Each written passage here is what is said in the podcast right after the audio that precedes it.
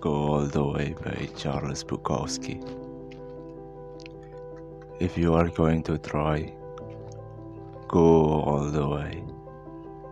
Otherwise, don't even start. This could mean losing girlfriends, wives, relatives, and maybe even your mind. It could mean not eating for three or four days. It could mean freezing on a park bench. It could mean jail. It could mean derision. It could mean mockery, isolation. Isolation is the gift.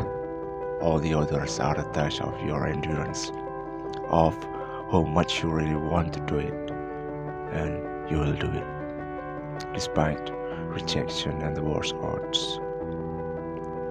And it will be better than anything else you can imagine.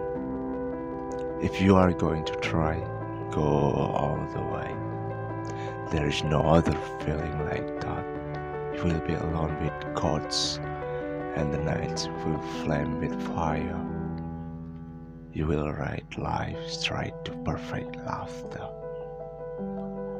It's the only good fight there is. Thank you.